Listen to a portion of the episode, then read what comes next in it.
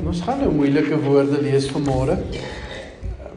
Ek het nogal gedink na laas Sondag uh ons is dalk nou eers klaar met Matteus 5. Ons het nou twee Sondae in 'n ry, so twee, drie Sondae, twee Sondae in 'n ry gevolg met Matteus. En toe in die week toe praat die volgende gedeelte met my in. Dis 'n moeilike een en ek lees hom nou vanmôre vir julle sommer direk uit die direkte vertaling uit. Want die direkte vertaling is so amper of hy 'n bietjie meer rou is of hy 'n bietjie dit harder sê. En ek lees vanaf ehm um, vers vers 21. Julle het gehoor dat aan die voorgeslagte gesê is: Jy mag nie moord pleeg nie en wie moord pleeg is strafbaar voor die reg. Maar ek sê vir julle elkeen wat kwaad is vir sy broer strafbaar voor die reg is. En wie vir sy broer sê raka is strafbaar voor die Sanhedrin. Die Sanhedrin was die Joodse um, raad en raka was maar 'n Arameese woord wat in Afrikaans sal mense nou seker vertaal as niks werd. Maar dit is eintlik 'n bietjie meer harder is dit. Dit is iets soos veilig goed, net moeite werd om uitgegooi, weggegooi te word. Uh van die Griekse vertalings vertaal dit eerder as jy met die woord moroon wat ons in Afrikaans ook ken. Maar so dis nou sommer 'n baie slegte skelwoord om vir iemand te sê wie vir sy broer sê raka is strafbaar voor die Sanhedrin. Wie sê jou dwaas is strafbaar in die Gehenna met sy vuur. Weereens die woord Gehenna, later vertalings of van die uh, 83 is hoe vertaal dit as 'n strafbaar in die hel met sy vuur. Maar Jesus het die woord Gehenna gebruik en dit was letterlik die vullishoop van ehm um, uh, Jerusalem. Daar in die Himnon vallei. Dis waar al die vullis gegooi is, waar alles verbrand is. Dis waar die malaatses wat uitgestoot is uit die stad uit gaan rondkrap het in die vullis vir iets om oor te om om mee te oorleef. So as Jesus dan hier sê hy strafbaar in die Gehenna met sy vuur, dan beteken dit eintlik hy's net goed genoeg vir die vullishope. Vers 23. Wanneer jy jou offergawe na die altaar bring en daar onthou dat jou broer iets teen jou het, laat jou offergawe net daar by die altaar en gaan vers, gaan versoen jou eers met jou broer en gaan gee dan jou offergawe.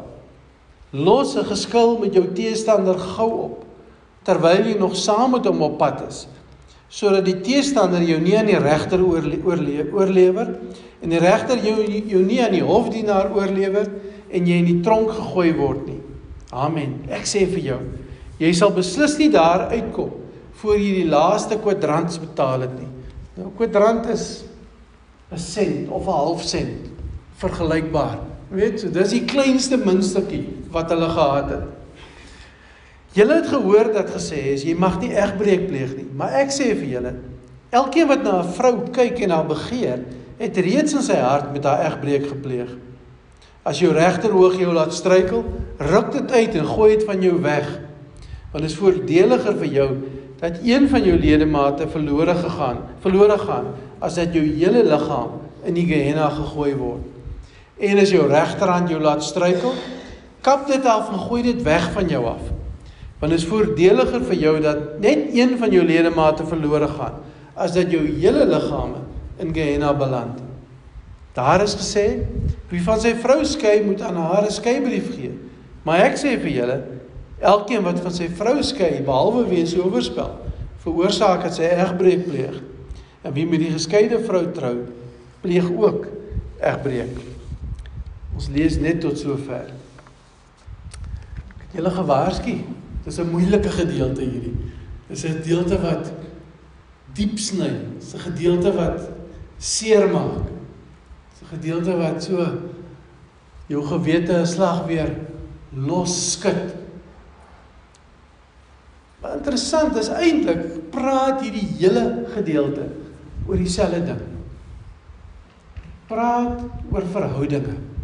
Daai tweede deel van die opsomming van die wet. Jy moet jou naaste lief hê soos jouself.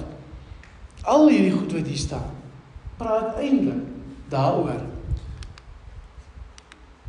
Nou in vers 7:28 kry ons eintlik so half die die sleutel om te verstaan hoe kyk Jesus na verhoudinge? Hoe kyk Jesus na al hierdie goeders?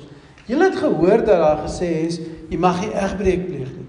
Maar ek sê vir julle, elkeen wat na 'n vrou kyk en haar begeer, het reeds in sy hart met haar egbreek gepleeg. You know the next commandment pretty well too. Don't go to bed with another spouse.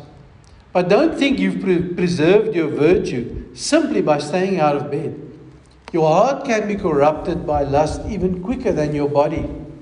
Those leering looks you think nobody notices, they also corrupt.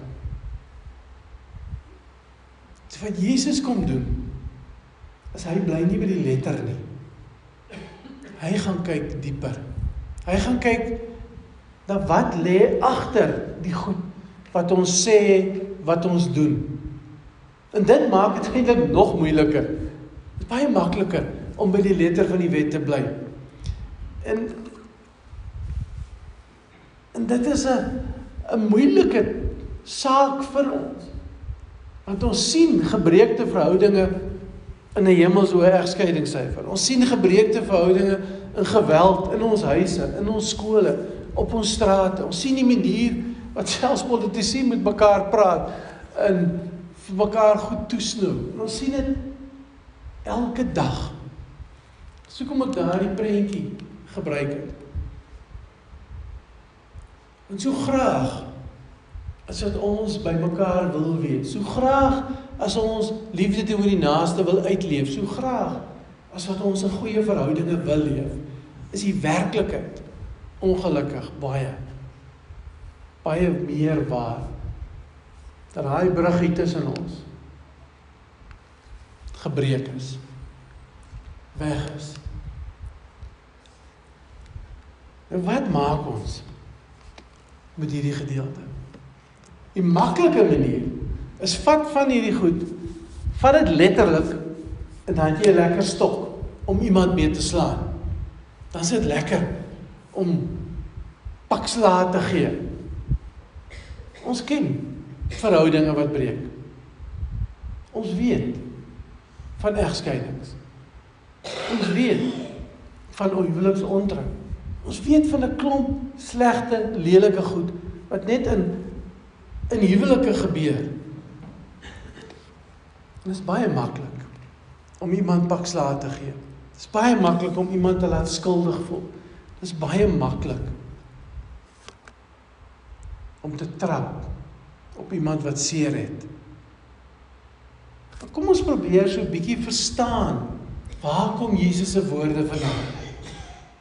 Nou in die eerste eeu, die tyd wat Jesus gelewe het, was huweliksverhoudinge maar net soos vandag 'n moeilike saak. Maar anders as vandag was dit ook in 'n sin makliker as jy 'n man was. As jy 'n vrou was, was dit 'n ander situasie. Die heersende gedagte rigting het gekom uit 'n skool van die leel. Dit is 'n rabbi rabbiese skool wat ehm uh, rabbiniese skool wat dit was soort van die die heersende wysheid. Dit was die manier waarop mense huwelike sou ingerig het. Hierdie skool van die leeu het 'n paar interessante goed gesê. En ons weet dit vandag want dit is neergeskryf. Byvoorbeeld voor ek dit sê. Wie van julle mans se vrou het al ooit jou kos of jou toast of iets gebrand? Ons almal, ja nee, my vrou het my ook al gebrand.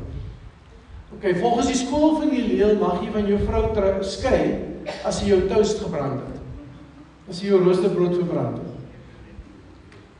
En, en een van die ander rabbies van daai skool, ek seker hy het 'n oogie op iemand gehad, het geskryf: "Man, jy kan skei as jy net iemand sien wat mooier is." so maklik. En en hoe die skei saak mos nou gewerk? Die man, net die man, die vrou het nie die keuse gehad nie. En sy vrou gevat na die stadspoort toe op op die kleiner dorpies daar na die sinagoge toe waar die oudstes gesit het. En dat hy net voor almal daarso gesê ek skei jou, ek skei jou, ek skei jou. Prima. En dan draai hy om en hy loop weg terug huis toe. En die vrou is op straat.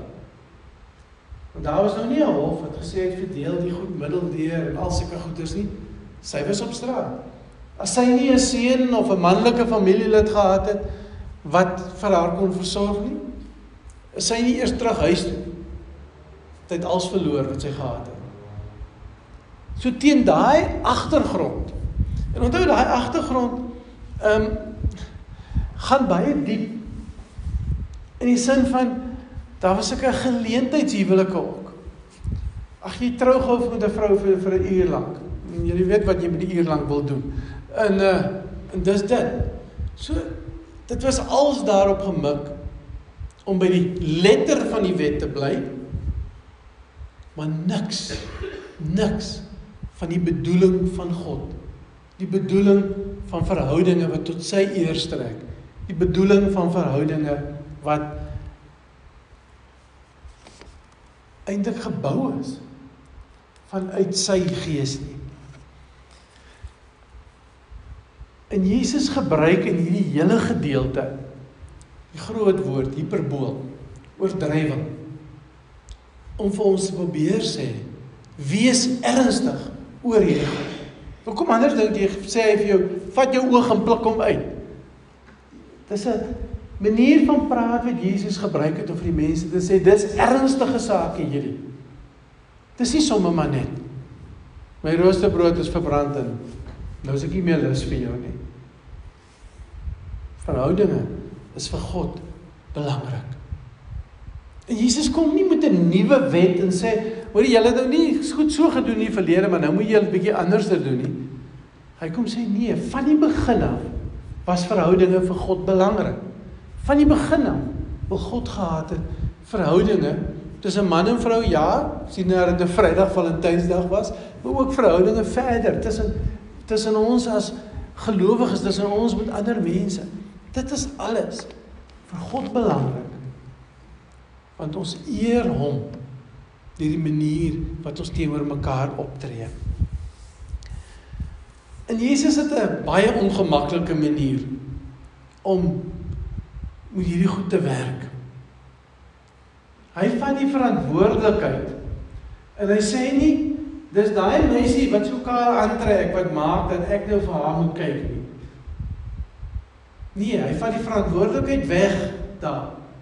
Hy sê die verantwoordelikheid lê by my wat die kyk werk doen. Dink maar net hoeveel hoeveel keer het julle al as jy 'n koerantberig lees oor 'n verkrachtingssaak Dis een van die eerste verweere wat opkom. Ja, maar kyk wat dit aangaan. Jesus sê nie wat daai verweer werk nie. Die verantwoordelikheid lê by die een wat kyk. Verantwoordelikheid lê by die een wat oortree. Verantwoordelikheid lê by die een wat nie kan kyk waardeer. Is ek is ook mos nou 'n man en as my vrou mooi aangetrek het, is dit vir my mooi. En dis mos nou mooi om 'n mooi vrou te sien. Maar as jy verdere stap wat Jesus oor praat. Die begeer. Dis wanneer dis wanneer die mooi lelik raak. Dis wanneer die mooi goeie verhouding skibreek lê. Wanneer hy brug breek probleem is nie wat die meisie aantrek nie. Die probleem is nie dat die ander een vir my kwaad is nie. Jy gehoor wat sê Jesus? Dit is my verantwoordelikheid om te gaan regmaak. Die probleem is nie die ander een wat my nie verstaan nie. Dis ek wat ongeduldig is. In hom of haar uitskel vir Raka. Jy hoort op die vullis hoop en daarmee eintlik daai persoon se mens wees weggooi. Dis ek het mos julle gesê aan die begin, dis moeilike sake hierdie. Van wie van ons het nog nie ten minste in my binneste ander ou uitgevloeke gedink man. Sê dit weg voor my? Moet net nie hier hier wees nie. Jesus kom En hy plaas 'n ongemaklike verantwoordelikheid op ons. En dit is moeilik om hieroor te preek. Want ek is ook mens. Maak ook baie foute. Maar dis dieselfde probleme van 2000 jaar terug wat tot vandag toe rondom ons en met ons is. Ons vloek en skel mekaar nog steeds. Ons kyk nog steeds. Ons gaan nog maklik oor tot geweld. Ons gaan mekaar nie God se liefde nie. Miskien Miskien is die sleutel die sleutel om iewers te anders te kom met uh verhoudinge om terug te gaan na twee Griekse woordjies. En jy het al baie van gehoor dat Grieke het hulle nie net vier nie tussen hakkies soos ons partymal hoor, daar's sewe verskillende woorde vir liefde in Grieks. Die twee wat ons baie van hoor is die woord eros en agape.